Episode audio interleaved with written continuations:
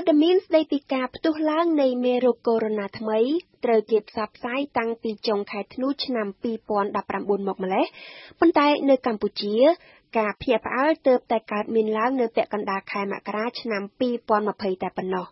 គេនៅចាំបានថា កាលនោះប្រជាពលរដ្ឋខ្មែរនាំគ្នាភិតភ័យដោយបានសម្ដែងក្តីបារម្ភខ្លាចឆ្លងមេរោគកូវីដ -19 ថ្មីនេះគ្រប់គ្រប់គ្នា ម្នាក់ម្នាក់នាំគ្នាទៅសម្រុកទិញម៉ាស់បិទមុខនិងអាល់កុលសម្រាប់លាងដៃដែលធ្វើឲ្យទំនិញទាំងពីរប្រភេទនេះឡើងថ្លៃយ៉ាងខ្លាំងរហូតដល់ដាច់ស្តុករកទិញលែងបានថែមទៀត មែនទែនទៅ ភាពភ័យខ្លាចដូចនេះពុំមែនកើតមានតែនៅប្រទេសកម្ពុជាតែឯងឡើយប្រជាជននៅតាមបណ្ដាប្រទេសដទៃទៀតក៏ភិតភ័យព្រួយបារម្ភខ្លាចឆ្លងមេរោគកូវីដ -19 ថ្មីនេះដែរព្រោះសូមកុំភ្លេចថា កាលនោះនិងសូម្បីតែនៅពេលនេះក៏ដោយ គេនៅមិនទាន់រកឃើញនៅឡើយប្រភពច្បាស់លាស់ដែលបង្កឲ្យកើតមានមេរោគកូវីដ -19 ថ្មីនេះវ៉ាក់សាំងបង្ការក៏ពុំទាន់មាន ការចម្លងក៏លឿនរហ័ស ហើយចំនួនមនុស្សស្លាប់ដោយសារតែមេរោគនេះក៏ចេះតែកើនឡើងយ៉ាងគំហុកពីមួយថ្ងៃទៅមួយថ្ងៃយ៉ាងណាក៏ដោយនៅកម្ពុជាគេសង្កេតឃើញថា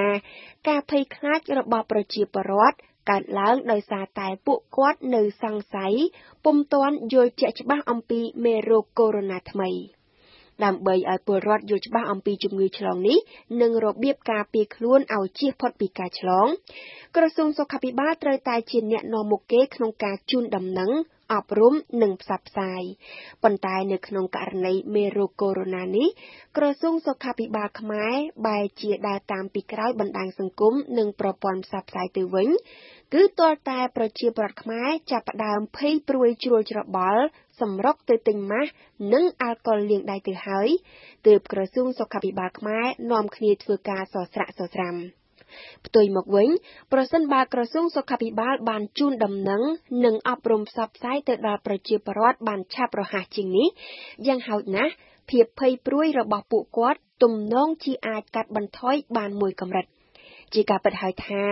ក្រោយក្រោយមកនេះមន្ត្រីនៃក្រសួងសុខាភិបាលបានចេញមុខអប់រំផ្សព្វផ្សាយកាន់តែច្រើន និងញឹកញាប់អំពីមេរោគកូវីដ -19 ថ្មីប៉ុន្តែបើទោះបីជាយ៉ាងដូចនេះក៏ដោយ ការជឿជាក់របស់សាធារណជនទូទៅ ចំពោះអាជ្ញាធរសុខាភិបាលកម្ពុជា នៅតែមានកម្រិតនៅឡើយ។ ពលរដ្ឋខ្មែរមិនទុកចិត្តលើក្រសួងសុខាភិបាលខ្មែរនិងមិនទុកចិត្តថា គ្រូពេទ្យខ្មែរមានសមត្ថភាពគ្រប់គ្រាន់ក្នុងការទប់ស្កាត់និងព្យាបាលមេរោគដ៏កាចសាហាវនេះឲ្យបានជាស្រឡះបើទោះបីជាគ្រូពេទ្យខ្មែរបានព្យាបាលអ្នកជំងឺជនជាតិចិនម្នាក់ឲ្យជាសះស្បើយពីមេរោគកូវីដ -19 ថ្មី កាលពីដើមខែកុម្ភៈថ្មីៗនេះក៏ដោយ។ ចម្ងល់ការសង្ស័យនិងការលែងទុកចិត្តមានទំហំកើនឡើងទ្វេដងថែមទៀតនៅពេលដែលកម្ពុជានិងម៉ាឡេស៊ីអះអាងផ្សេងគ្នាចំពោះករណីមេរោគកូវីដ -19 ថ្មីលើស្ត្រីអ្នកដំណើរនៃនាវាទេសចរណ៍ Amsterdam ជនជាតិអាមេរិកម្នាក់ ក្នុងនោះអាជ្ញាធរម៉ាឡេស៊ីបានប្រកាសពីលទ្ធផលនៃការធ្វើតេស្តស្តង់ដារពិភពលោករបស់ខ្លួនថាស្ត្រីអ្នកដំណើរជនជាតិអាមេរិកាំងដែលចាកចេញពីនាវា Amsterdam រួចហោះហើរពីកម្ពុជាទៅកាន់ម៉ាឡេស៊ីនេះមានផ្ទុកមេរោគកូវីដ -19 ថ្មី ប៉ុន្តែកម្ពុជាវិញអះអាងម្ដងជាពីរដងថា ការធ្វើតេស្តលើស្ត្រីរូបនោះមុនពេលចាកចេញពីកម្ពុជា បង្ហាញលទ្ធផលអវិជ្ជមាន ហើយកម្ពុជាបានស្នើឲ្យម៉ាឡេស៊ីត្រួតពិនិត្យឡើងវិញនៅលទ្ធផលនៃការធ្វើតេស្តនោះ ដើម្បីធានាពីសុក្រឹតភាព។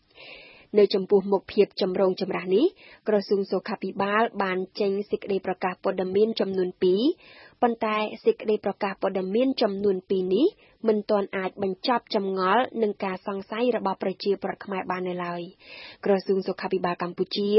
គួរតែចេញមុខពន្យល់ដោយផ្ទាល់មាត់ឲ្យបានច្បាស់លាស់ចំពោះករណីនេះ ការចេញមុខពន្យល់របស់មន្ត្រីជំនាញសុខាភិបាលខ្មែរមិនត្រឹមតែអាចស្រាយចម្ងល់របស់ប្រជាពលរដ្ឋទូទៅប៉ុណ្ណោះទេប៉ុន្តែវាទំនងជាអាចស្ដារទំនុកចិត្តរបស់ប្រជាពលរដ្ឋចំពោះប្រព័ន្ធសុខាភិបាលខ្មែរបានផងដែរទោះក្នុងកម្រិតតិចឬច្រើនក្តី។